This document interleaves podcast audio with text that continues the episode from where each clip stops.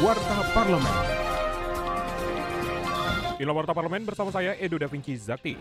Pemerintah perlu lebih serius memberikan perhatian pada olahraga dan perjuangan olahragawan, terutama dalam mengharumkan nama bangsa di kancah internasional.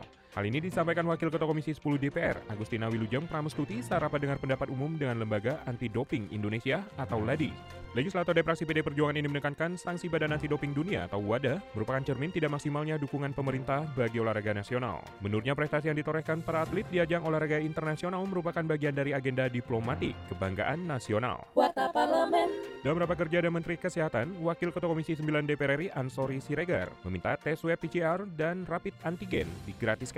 Ia menilai selama ini ada permainan harga pada alat deteksi COVID-19 tersebut. 3 juta ada dari 900 sekarang 275 sekarang ini coba kita gratiskan aja dulu. Saya mohon pimpinan bubarkan aja acara kita ini atau rapat kita ini kalau itu tidak digratiskan gitu. Ya, kenapa di sini? Siapa di sini? Kok ada permainan-permainan harga dari sebelum-sebelumnya gitu? Memang apa bedanya? Dari awal pandemi pertengahan pandemi akhir pandemi kok harga-harganya seperti itu gitu. antigen pun kalau perlu kita gratiskan yang untuk sementara ya kita lihat perkembangan sebulan ini gitu. Atau ada perkembangan nggak ini? Kalau kita gratiskan kira-kira ada keterpaparan baru nggak gitu ya atau presentasi keterpaparan meningkat apa tidak gitu Kinerja Wakil Rakyat simak di media sosial DPR RI.